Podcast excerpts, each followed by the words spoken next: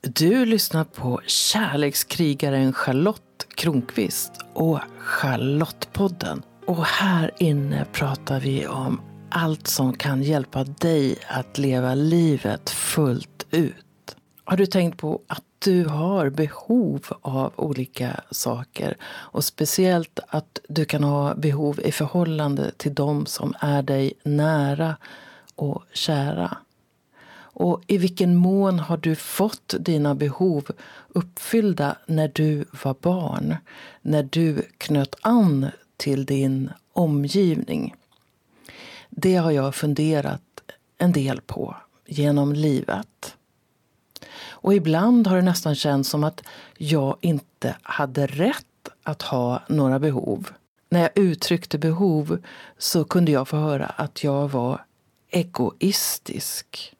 Men vad händer med människor som inte får sina behov tillfredsställda?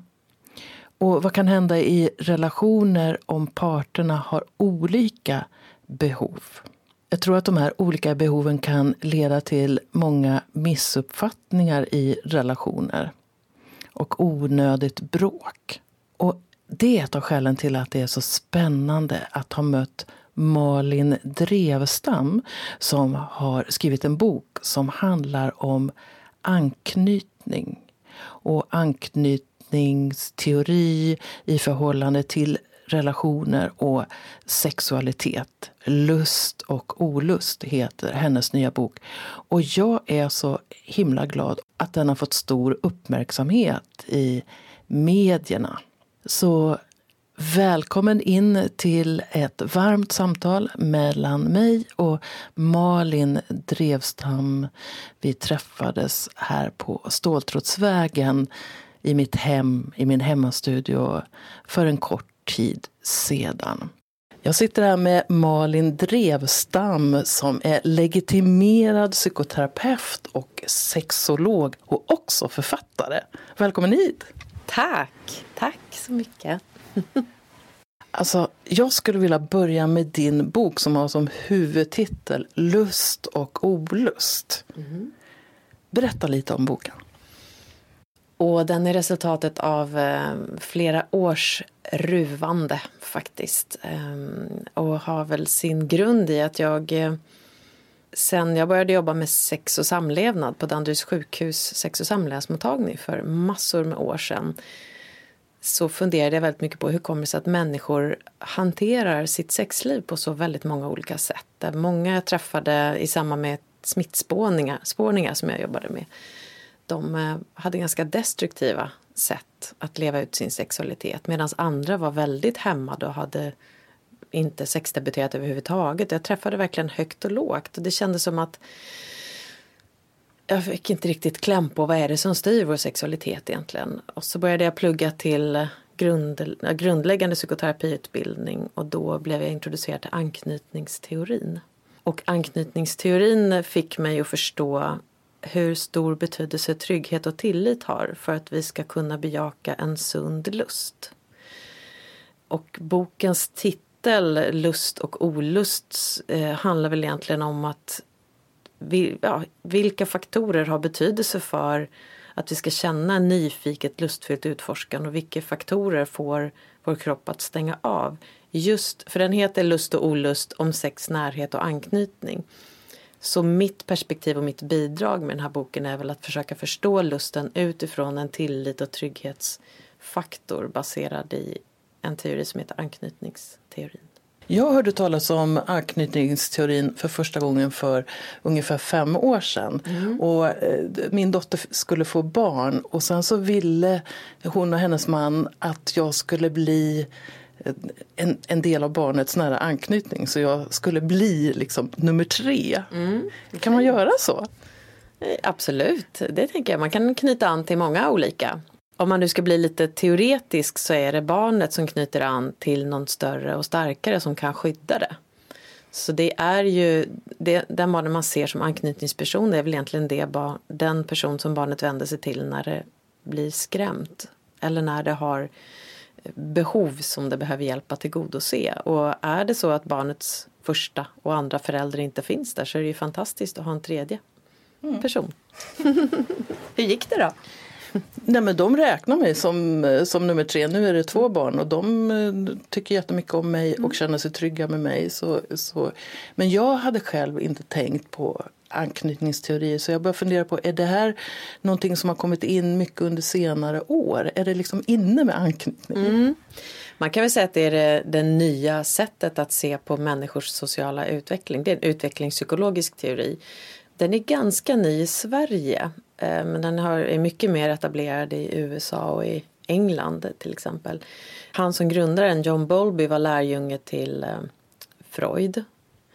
Men han kände att det finns mycket mer i hur man kan förstå sig på människors utveckling än det som Freud hade utifrån libidon och alltså livskraften och dödskraften eller sexualitetens betydelse.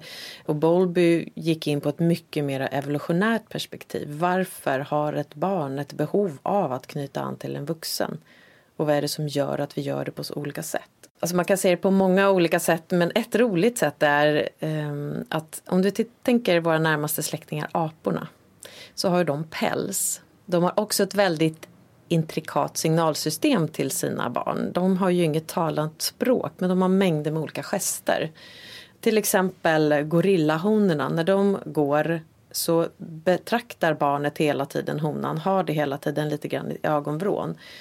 Och då har forskare identifierat att när honan lyfter en, ena baktassen i ett visst läge och stannar upp, då är det ett signal till barnet. Hoppa upp och grabba tag i pälsen för nu ska vi vidare.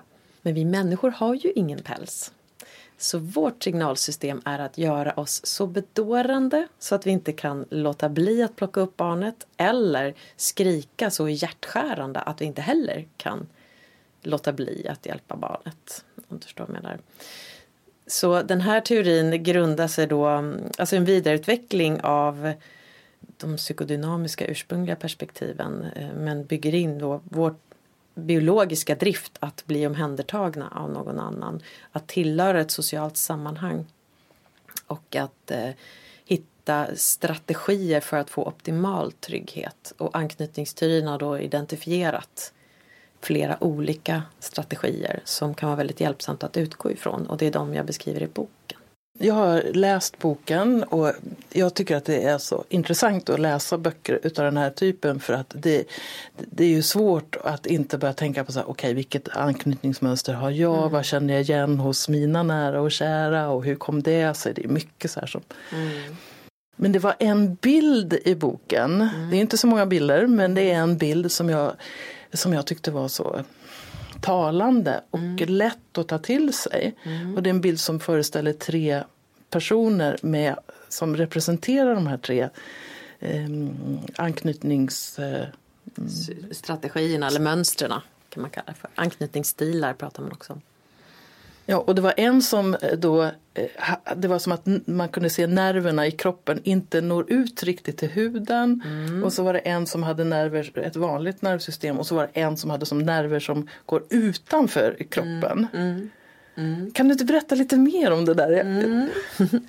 alltså de, jag kallar det för pepparkaksgubbarna och det är min alldeles högst hemmasnickrade sätt att försöka förklara. Men om man tittar på den strategi som barnet utvecklar som väldigt liten innan det är två år gammalt har olika riktningar där det barnet som uttrycker eller utvecklar en trygg anknytning. Det får hela tiden erfarenheten att när jag uttrycker mina behov så brukar någon komma i närheten till mig. Och den personen brukar oftast kunna hjälpa mig på något sätt att reglera mina behov framförallt känslomässiga behov. När jag blir rädd så uttrycker jag det och då kommer någon och håller mig och tröstar mig. Vilket betyder att jag väldigt fort kan lugna ner mig själv. Alltså blir närhet lika med någonting gott. Att känna närhet betyder att jag får någon hjälp eller någon stöd eller någon tröst. Eh, och den gubben har jag illustrerat med att ett nervsystem som vågar känna efter och vill känna efter och när det lägger märke till närhet och beröring så blir det en positiv upplevelse.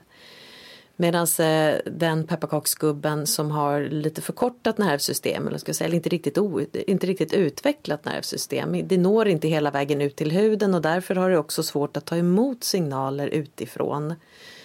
Det kan vara allt ifrån stöd och tröst för det barnet har någon gång upplevt att även om jag uttrycker mina behov så är det ingen som tar dem på allvar och hjälper mig med dem utan antingen blir jag ignorerad i dem eller så blir jag avvisad eller avfärdad på något sätt. Så att det lönar sig liksom inte för mig att lyssna på mina egna behov och behoven uttrycks ju via kroppen. Så att, att lyssna på sin kropp för att förstå sina behov och sen uttrycka dem till någon annan det är inte förenat med belönande upplevelser utan snarare skrämmande upplevelser eller en känsla av att jag blir övergiven i mina känslor. Det betyder ju att mitt nervsystem, jag kommer sluta lyssna på mina behov för det är ändå inte relevant information eftersom jag inte vet vad jag ska göra av informationen. Och då blir det ett lite man kan väl säga outvecklat nervsystem för det går ju att träna om sig själv men egentligen så är det ett, ett nervsystem som har tillbaka, tillbakavecklas, säger man så? Tillbakabildats. Tillbakabildats, precis. För vi föds med full förmåga, vi är fullt förberedda för massor med tillstånd där ute i, i känslolivet. Men ju mindre jag lyssnar på min lust, ju mindre jag lyssnar på min sorg eller ilska, desto mindre kommer jag lägga märke till det. Så det är den gubben i boken som du uppfattar som lite outvecklat nervsystem helt mm. enkelt. Och sen finns det en, en tredje gubbe som har ett nervsystem med så att säga nervtrådarna utanför huden till och med. Och det är det barnet som man kallar för otryggt ambivalent anknutet. Det barnet har i, i perioder upplevt att det verkligen det kommer någon när jag ropar. Men när den personen är nära mig så, så jag upplever sötman med att någon kommer till mig. Men när den personen är där så är det inte alltid så att jag kan räkna med att personen kan härbärgera och förstå och hantera mina känslor. Utan den kanske tappar bort sig i sina egna känslor. Um, och därmed förlorar jag kontakten med den personen. Så att jag får sötman av närhet men den kommer i direkt sällskap med när kommer du överge mig? När kommer du bevisa att jag inte kunde räkna med dig? När kommer du? Så att det blir liksom ackompanjerat av en misstro kan man säga. Vilket gör att man får liksom ett alert system som är ute och pejlar. Du är väl där, du är väl där, du finns väl där för mig fortfarande, du är väl där för mig. Och det blir ett hyperaktiverat anknytningssystem då. Så att den, den lite mera trubbiga pepparkaksgubben har vad man kallar för ett deaktiverat anknytningssystem. Där man slutar lyssna på kroppens signaler och känslomässiga behov. Och den andra har ett hyperaktiverat system. Jag tänker på när, när jag föddes så fanns en idé om att man skulle ge, amma barnen var fjärde timma. Mm. Och, och, mamma har berättat hur hon stod bredvid vaggan mm. med brösten som sprutade mjölk och hon tog inte upp, hon stod och mm. väntade med klockan mm. tills det var, hade gått de här fyra timmarna.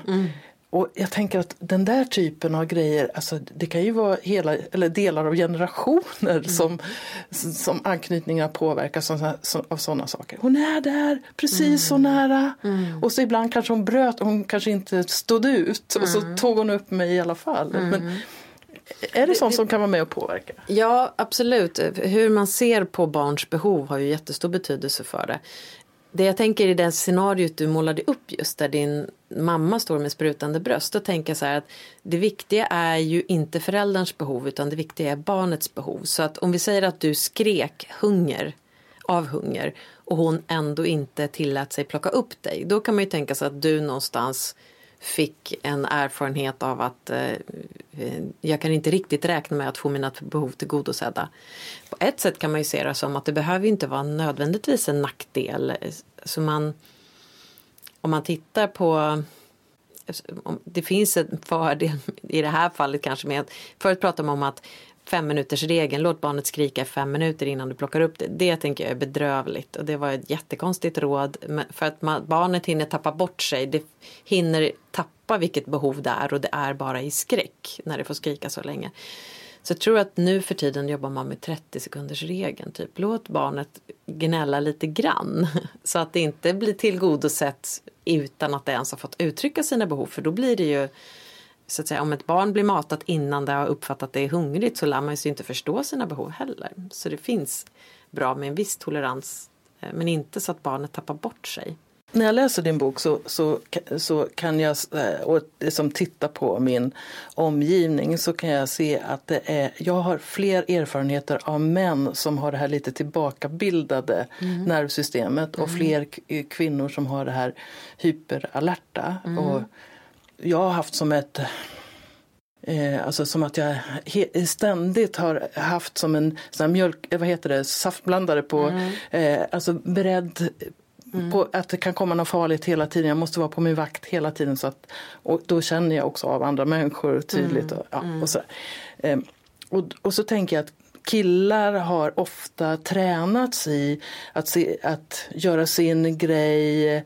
Att man säger att män är sådana som ska få vara ensamma i skogen. Och, alltså de får sköta sig själva. Men tjejer då blir tränade till att relatera mycket och så. Mm. Och, och då tänker jag, kan det här förstärka de här anknytningsmönstren eller är det bara en olycklig slump? Eller, ja. alltså jag tänker att anknytning kommer först. Och sen kan den säkert förstärkas av normer och attityder i samhället. Jag, tycker att, alltså jag är fortfarande väldigt fascinerad av att försöka förstå det här och anknytningsteorin och den är en ganska ung teori, precis som du var inne på förut. Den är från 60-talet.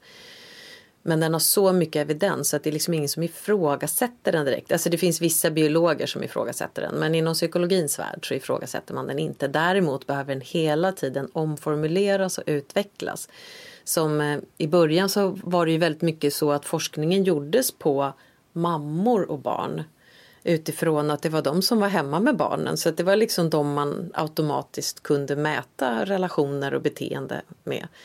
Men nu har man sett att det handlar om vilken person som är närmast barnet när barnet är litet och behövande. Det är den personen som blir anknytningsperson. Och som du var inne på, man kan ha flera anknytningspersoner.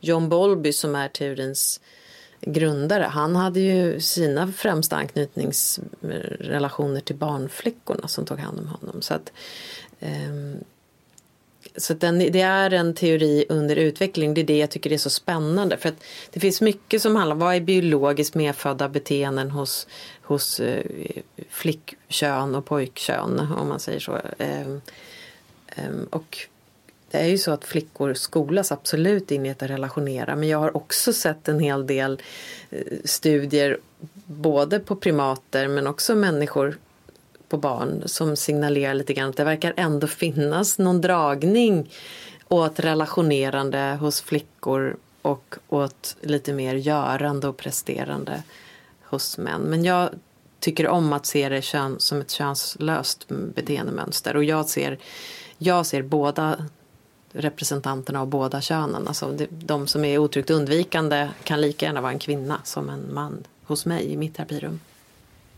Jag håller med om det. Jag bara funderar mm. på vad som, vad som kan eh, förstärka mm. olika beteenden mm. och sådär. Men om vi då tänker oss att vi tar det här till människor som börjar ha sexuella relationer mm. med varandra. Och då tänker jag att den som är trygg mm. borde ju ha ganska lätt för att få relationer att funka. Men hur är det, hur, hur är det med oss andra? Mm.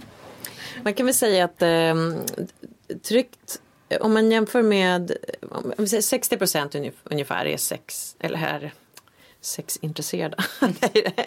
jag menar inte det. 60 procent är i huvudsak tryggt anknutna.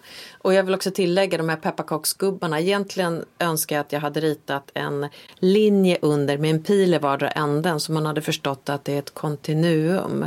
Man är inte kategori si eller kategori så utan man lutar åt det ena eller andra hållet om du förstår vad jag menar. Och det kan också förändras under livet och beroende på vem man lever tillsammans med. Men man har oftast en grundanknytningsstil som är lite grann som klimatet som inte förändrar sig jättemycket över tid men den kan förändras över tid.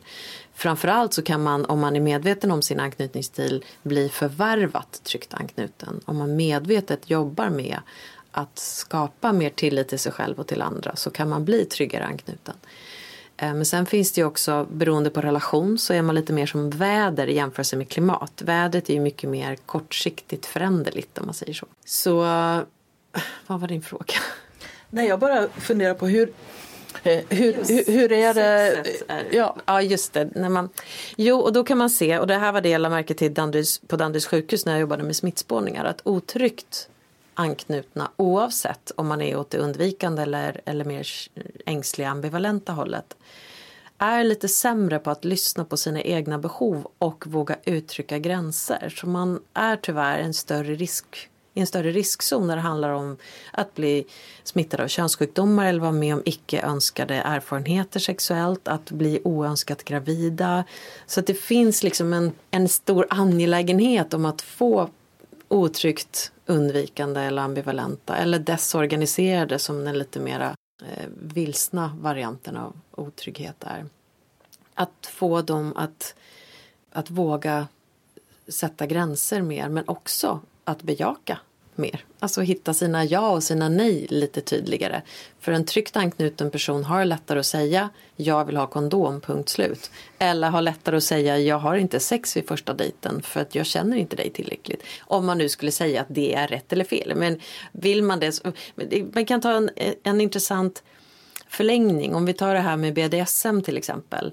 Så har man sett att i riktiga BDSM-communities där det verkligen sker Eh, med uttalade intentioner. Att här talar jag om vad jag vill och vad jag inte vill just idag och jag lyssnar på vad du vill och inte vill just idag.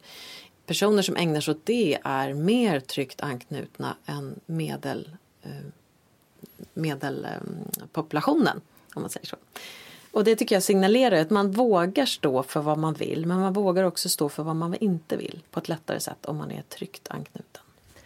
Jag tycker att det där är så spännande för jag, när jag har kurser i tantra till exempel mm. så gör jag alltid övningar kring gränssättning. Mm. Så att man ska få träna på att säga sina ja och nej. Mm. Och orsaken till det är ju att jag har tillåtit människor att gå över mina gränser. Mm. Och det beror på att jag har en otrygg mm. anknytning. Mm. Och, och, för mig att då läsa din bok och se, aha! Eh, det här är en bidragande orsak till att jag tycker att det här är så viktigt. Och det är mm. också ett sätt att jag vill skapa trygghet i gruppen. Att mm. alla ska kunna känna att ingen kommer att gå över mina gränser. Mm. Och om jag säger nej så blir det respekterat. Om jag säger ja så blir det mm. Eh, bejakat av den som bejakar det. Så så jag kanske har med lite anknytning. Absolut, det tror. Jag, jag tänker inte att det är så att, att mitt perspektiv förnyar värdet av eh, till exempel Wheel of Consent och alla de här övningsmodellerna som man kan jobba med. Utan det är bara ett annat sätt att förstå varför det är viktigt att jobba med det. För det, har, det påverkar oss på så otroligt grundläggande nivåer. Det handlar inte om att att jag, vill, att jag vill bli bättre på att säga ja eller jag vill bli bättre på att säga nej utan det handlar om att värna oss själva på ett sätt som är sunt som gör att vi inte tappar bort oss. Precis. Eh, jag menar, förr i tiden kunde jag alltså få dåligt samvete mm. om jag mm. satte eh, en gräns. Det var som att andra och deras behov var viktigare än mm.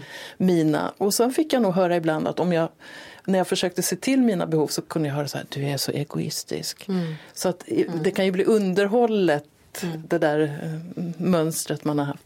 Absolut. Men då tänker jag, du, du då som är sexolog och psykoterapeut och socionom i botten och nu också författare. Mm.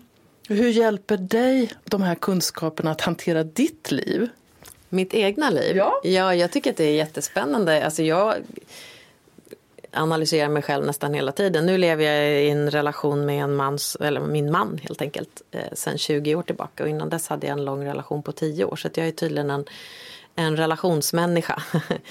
och jag kan ju se hur, hur jag var på ett sätt i mitt förra äktenskap och hur jag har utvecklats till att bli på ett annat sätt i mitt nuvarande äktenskap. Men all utveckling jag har gått igenom som man då gör när man pluggar till psykoterapeut. Man måste ju gå jättemycket egen terapi och eh, och man blir ju också väldigt observant på sina egna beteenden. Eh, och kan se att det är, om jag lutar åt något håll så är det nog ängsligt eh, eller otryggt ambivalent.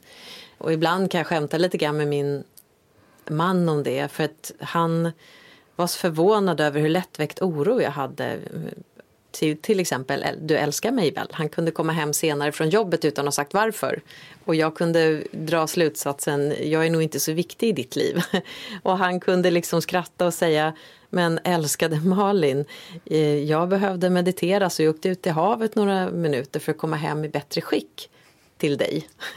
Så det har haft stort värde att jag har vågat uttala min oro men också ofantligt stort värde att han inte har avfärdat den utan snarare sagt vad fint att du berättar, så här ligger det till och så har jag fått jobba med att lugna ner mig själv. Det har inte varit i några allvarliga nivåer på något sätt men det har ändå varit intressant att jag verkar vara en sån som går i spinn snarare än slutar med att dra mig undan. Och det är ju väldigt, alltså vi, man jobbar ju med med energier. Hur kan jag eh, förstå det som händer mig eh, hur kan jag förstå det som händer mig för att hitta det mest adaptiva sättet i stunden att hantera det? Kan man väl säga. Så, I mitt egna liv så jag studsar fram och tillbaka hela tiden. Eh, nu reagerar jag väl lite otryggt undvikande där i alla fall kan jag ibland tänka. Och ibland tänka oj oj vad hispade igång där och så. Så det är, inte, det är väl det som är trixet med anknytningsteorin och det är en fara med boken eh, det att man försöker förenkla väldigt mycket men det är en fara med alla teorier. Så när jag jobbar med mina klienter då letar inte jag efter en mall och stoppar in dem i den sen utan jag letar efter nu gick du åt det hyperaktiverande hållet men nu verkade du ha gått åt det deaktiverande hållet. Att vi kan använda oss av flera olika strategier beroende på dagsform och partners inställning för mig är ju det här ganska nytt så jag är ju mm. som lite så exalterad mm. kring det. Och jag har ju mött många teorier i mitt liv och många sätt att se på människan ur mm. olika perspektiv och så. Och då tycker jag att varje sån här sätt ger en ny pusselbit. Aha, mm. man kan se det här. Mm. Eh, och så. Men så nu slår det mig att alltså jag har på i 20 år och ställt mig frågan vem är jag? Mm. Och gått massor med utbildningar ett sätt att se det, det är att jag har jobbat för att bli en tryggare person, att det är det det handlar om. Så jag tror att jag svänger mycket mindre mm. än jag har gjort tidigare. Och mm. jag kan också, när jag känner att jag jag brukar säga att jag blir kidnappad av reptilhjärnan. Mm. Jag blir skiträdd och så kan jag bli arg eller dra mig tillbaks eller någonting mm. sånt där. Men nu kan jag mycket snabbare se oj, jag håller på att bli kidnappad eller jag har blivit det. Och så kan mm. jag ta ett djupt andetag eller så. Mm. Och den förmågan hade jag inte för 20 år sedan. Och då tänker jag att det här är ett tecken på mm. att jag är grundligen tryggare än jag var förut. Tycker du att det är ett relevant Absolut. sätt att beskriva? Och då kallar man det för förvärvat trygg anknytning vilket är en jättebra, ett jättebra tillstånd. För då har ju du på sätt och vis erfarenhet av stark ångest men du har hittat ett sätt att, att förstå och hantera den. Och det är det jag hoppas att boken ska bidra med. En ökad förståelse för vilka krafter som jobbar inom oss och som också eh, så att vi inte ska bli arga på oss själva för att vi reagerar så himla eh, irrationellt i vissa stunder. Utan det är verkligen reptilhjärnan som tar över. Det är fight or flight som tar över. Det är anknytningsbeteenden. Så att de här beteendena pratar man otryggt undvikande och otryggt ambivalent. Det är ju eh, stressreaktioner kopplat till relationer. Anknytningsteorin är inte direkt tillämplig när det handlar om hur du reagerar om du inte får upp en syltburkslock till exempel. Eller så. Utan det är, liksom, är relationer någonting som jag ser som en tillgång och någonting härligt och spännande? Eller är det någonting som jag känner är, nej, uh, inte för nära. Det blir kladdigt och krävande och jag håller lite avstånd här. Jag ska inte lämna ut mig eller committa för mycket. Eller å andra sidan, är relationen någonting jag, jag kan inte tänka mig att leva ett liv utan att ha någon riktigt tajt in till mig.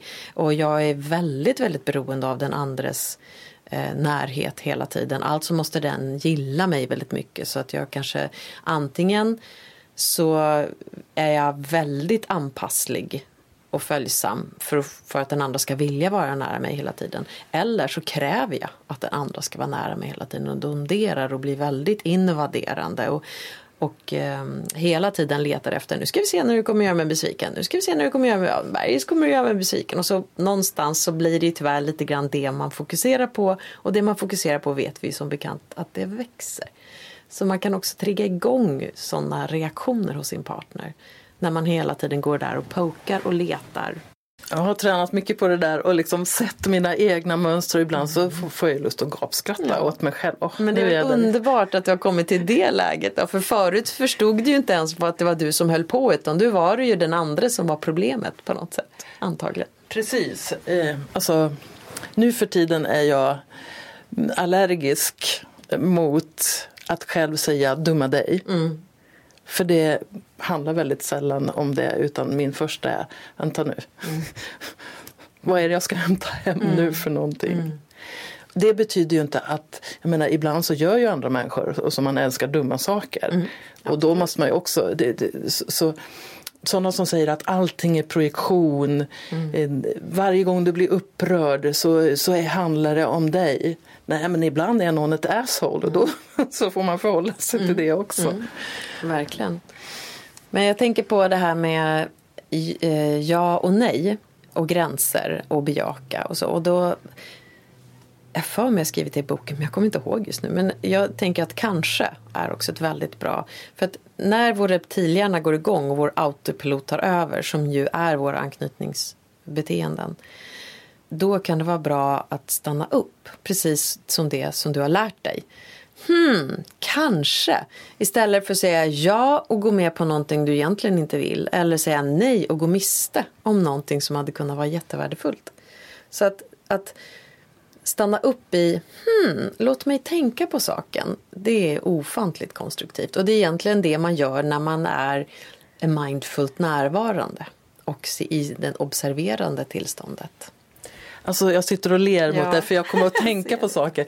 När, när, min son var liten, jag mm. tyckte att jag hade mm, otydliga gränser. Mm. Jag, jag, var tvungen att skapa gränserna själv och då gjorde jag en lite mindre hage än jag behövde. Det var min analys. Mm. Så jag tänkte, när jag fick barn, då skulle de få tydliga gränser. Får jag göra det? Nej. Får jag göra det? Ja. Men då började jag upptäcka att jag blev väldigt rigid. Mm. Så när jag fick mitt tredje barn, mm. då kunde jag säga till alla så här, eh, får jag det här och det här? Mm. Då sa jag, om du tvingar mig att svara nu mm. så blir det ett nej. Mm. Men om du låter mig tänka efter lite grann mm. så kanske det blir ett annat svar. Mm, det var väl konstruktivt, verkligen. och det var ett sätt också att komma ifrån min egen rigiditet för ibland kom jag ju på att det där nejet, att det var mm. för hårt och mm. för eh, så. Men det var mitt behov av att jag ville att de skulle få, ty, eh, få en, en, tydligare värld mm. att vara i. Men ja, jag mjuknat. Och jag tänker ju som jag jobbar mycket med sexuellt destruktiva beteenden eh, som då kan ha lett till eh, oönskade sexuella erfarenheter eller könssjukdomar eller så tidigt i min karriär. Så tänker jag att det är viktigt att lära sig säga nej men man kan också fastna där och då går man miste om så ofantligt mycket. Så att att någonstans eh, tillåta sig att simma runt och leta efter. Det finns ett fantastiskt TED-talk. Tittar du någonting på TED? Mm. Mm. Har du, jag tror att det heter We, eh, We have to talk about pizza eller något sånt där. Nej, men det är jätteroligt. Det är en sexualupplysare som pratar om... Nu låtsas vi att du är min partner, Charlotte. Vill du ha lite pizza? Vad är det för sorts? Mm, jag vet inte, men eh, om vi skulle beställa pizza nu, vad skulle du vara sugen på för pizza då tror du? Alltså bara det är kronärtskocka på så är jag nöjd. Okej, kronärtskocka. Jaha, själv är jag nog lite mer åt... Jag skulle ha lite fetaost och rucola jag är lite sugen på. Men du vill alltså ha kronärtskocka. Jag är inte så himla sugen på kronärtskocka men eh, vi kanske kan eh, dela på pizzan så har vi kronärtskocka på ena delen och så har vi eh, fetaost och rucola på andra delen. Ja, mig gör det ingenting. Det kan, jag menar, rucolan tar vi på när den är färdig så jag kan smaka på det ah, också. Ja, perfekt, perfekt. Om vi låtsas att det här egentligen var ett samtal om vill du ha sex? Mm. Och du sa, vad svarade du? Jag vet inte. Nej, Nej jag sa, mm, kunde vara ja, mysigt. Ja, ja. Men om vi säger att det, för mig är ju sex, många av klienterna som kommer till mig är så här jag vill inte ta bort det mystiska kring sex. Jag vill inte ta bort det som är eh, spännande och hemligt och magin. Exakt. Och då känner jag ofta att jag behöver säga men då har du kommit till fel person. för att för mig handlar det om att förstå de magiska ingredienserna så kan ni koka ihop vilken magi ni vill sen. Eh, men då, då behöver man ju någonstans förstå vad man behöver odla, vad man behöver simma runt i, vad man behöver förtydliga för sig själv. Eh, om, om vi bara tänker oss att eh, par barn, som, om du och jag var lekkamrater och vi var små och jag sa så här Charlotte, Charlotte, ska vi gå till sandlådan? Ja! Ja, gud vad kul! Och när vi kommer dit, vet du, då vill jag vara kung. Vad vill du? Oh. Och jag vill vara prinsessa. Okej, ja, men då är jag kung och du är prinsessa. Och så kan vi bygga ett garage och så kan vi ha bilar under också. Och så kan vi bara skapa magi där. Um, och den har vi ju mycket mer kontroll över, den typen av inställning, än om vi ska bli drabbade av någon magisk blixt som ska få oss att hamna i stämning. Mm. Så, så att vi, vi gör det magiska tydligare och, och tillgängligt, tillgängligt ja. greppbart. Exakt. Eh, så. Ja, och då krävs ju det att jag vågar drömma, att jag vågar vara i mina kanske lite mer. Och kanske också säga om vi ska äta pizza eller om vi ska gå till sandlådan då vill jag i sådana fall ha med mig den här spaden eller då vill jag äta takeaway, jag vill inte sitta på pizzerian. Eller alltså så här, villkora. För att jag ska vilja ha pizza så behöver jag det här idag. Är du med på det i sådana fall? Så att man vågar så att säga, ta reda på vad man behöver för att i sådana fall vilja göra det. Jag tänker också att en, en variant på det här är att om om du är så inprogrammerad på nej mm. så kan det vara att du inte ställer frågan vad du önskar, äh, ställer en fråga till en annan om, om vad man ska göra för att rädslan för att få nej är så stor. Mm. Så då, då låter man bli att fråga. Man tar inte initiativet? Man tar inte nej. initiativet och då brukar jag säga så här, eh, i så fall har du ett nej. Mm. Så, och då är frågan så här, hur, alltså hur mycket vill du leva? Hur mycket hur mm. mycket vill du uppleva? Mm. Eh, om du ställer en fråga så finns det en risk att få ett nej. Men det finns mm. också en chans att få ett ja. Mm. Så det tycker jag, att gå från det där att man för säkerhets skull säger nej. Det är väl lite som ditt kanske också. Men, men att, att bara föda den tanken att när du ställer en fråga mm. så har du öppnat någonting. Och det kan vara skitläskigt att få ett nej.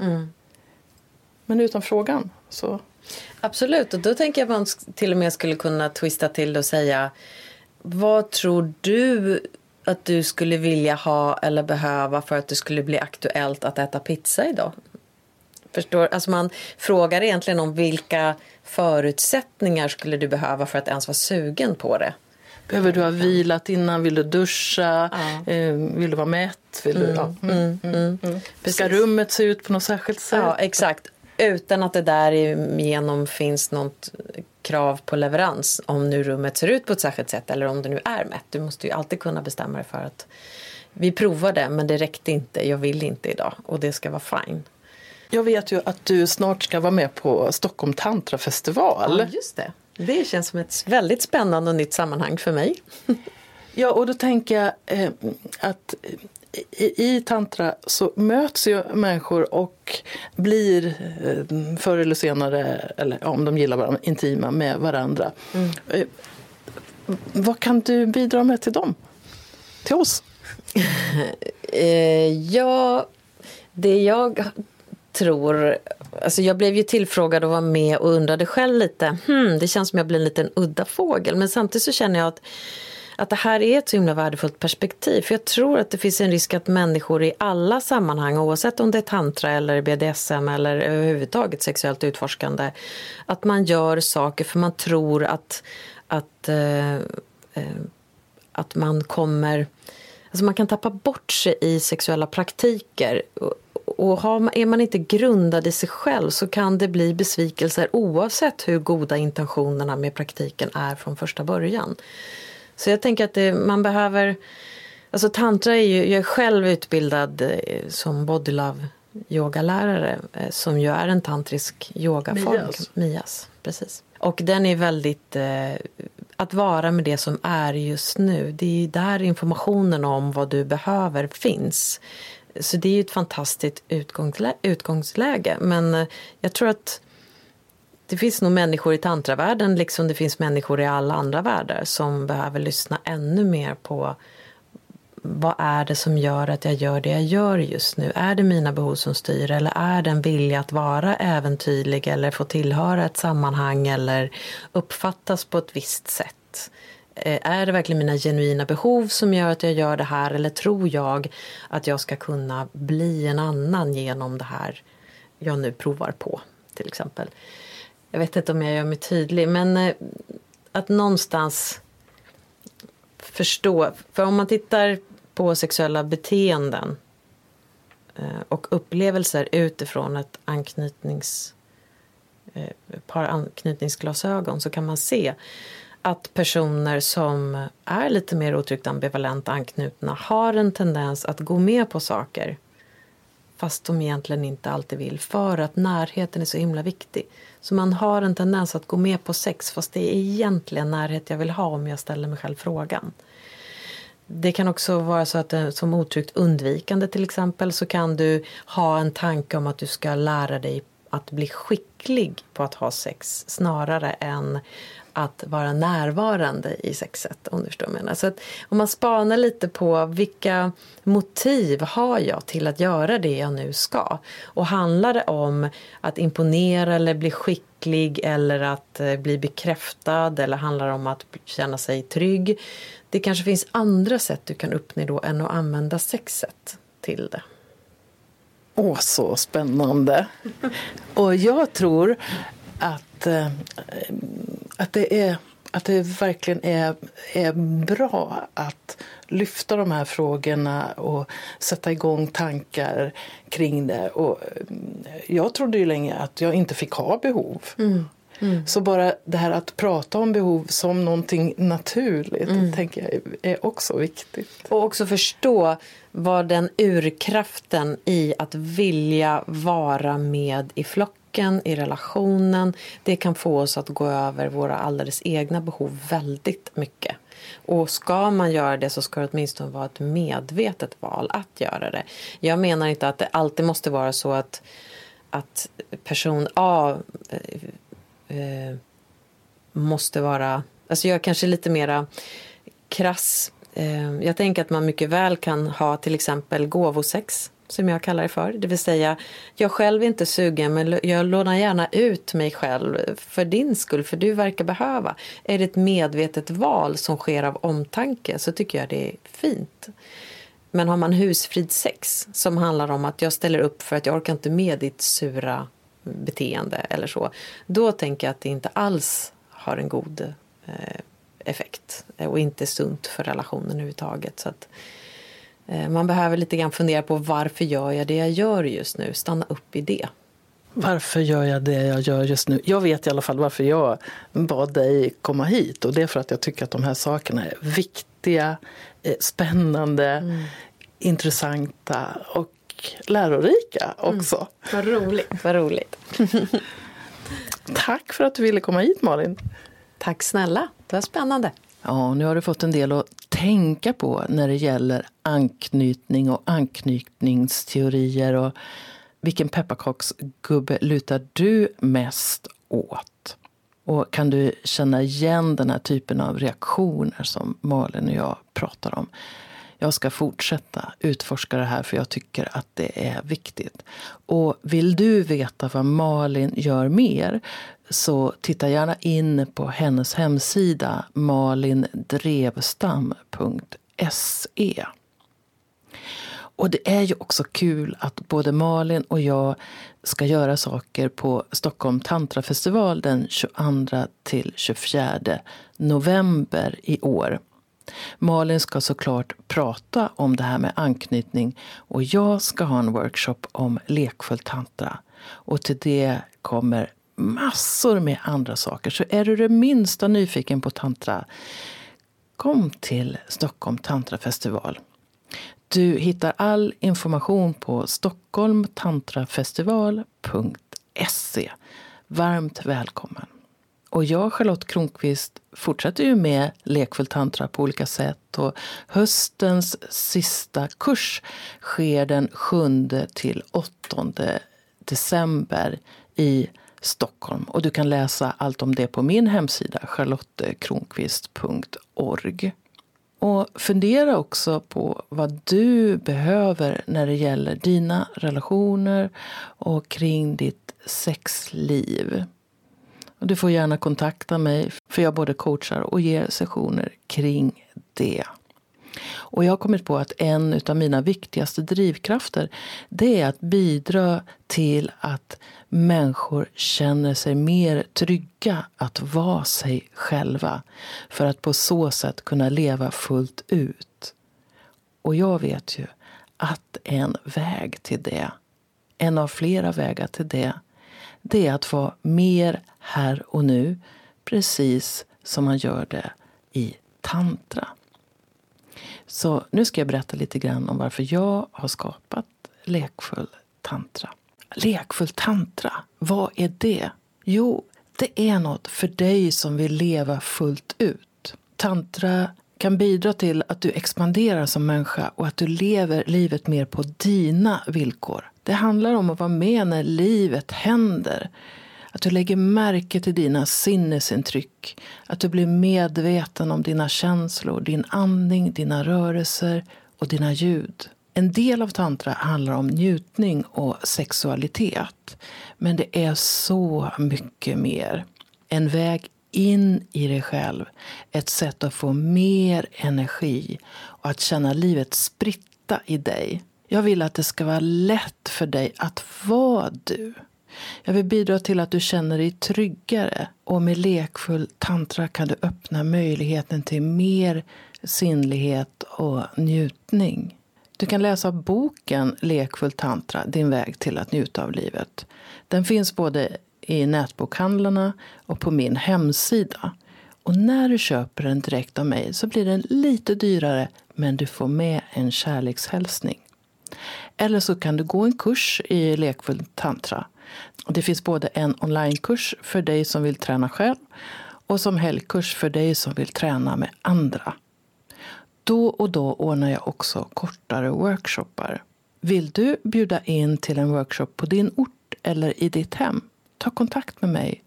Du når mig enklast via hemsidan charlottekronqvist.org. Kom ihåg att prenumerera på Charlottepodden så att du är med när nya avsnitt kommer. För vem vet vad du kan få lära dig om livet i det avsnittet. Rekommendera gärna podden till en vän så är du med och sprider vetskap om att den här podden finns och berätta vad den ger just dig. Jag skulle bli så glad om du också går in i din podcast-app och lämnar en kommentar eller skriver en recension av podden. Ju fler som gillar podden öppet, desto fler kommer också att hitta den.